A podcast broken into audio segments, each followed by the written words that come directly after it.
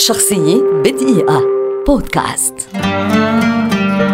فلاديمير نابوكوف. كاتب روائي روسي أمريكي يعد أحد أبرز روائيي القرن العشرين ولد عام 1899 تفرغ للأدب سنة 1922 فترجم إلى الروسية عددا من الروايات الأوروبية. ظهرت أولى رواياته عام 1925 بعنوان ماشينكا وفي السنة التالية ظهرت مسرحيته المعادية للسوفيات رجل سوفيتي وأتبعها بروايته الملك السيدة الخادم. وكانت هذه الفترة أخصب فترات عطاء نابوكوف الإبداعي حيث نشر عمله الغلطة عام 1932 ثم عاد بعد ذلك بعامين ونشر أعمالا ملفتة مثل سباق مجنون ودعوة للعذاب. وفي سنة 1938 كتب للمرة الأولى رواية باللغة الإنجليزية هي سيرة سيباستيان نايت الحقيقية. عام 1939 غادر إلى أمريكا للعمل بجامعة ستانفورد ثم درس الأدب الروسي بجامعات بوسطن وهارفارد. كما نشر دراسة دراسة معمقة عن جوجول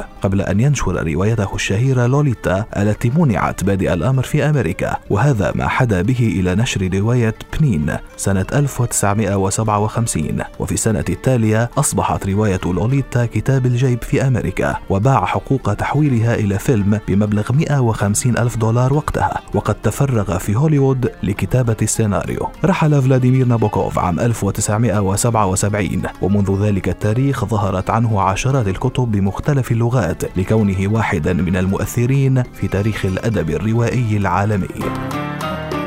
شخصية بدقيقة. بودكاست.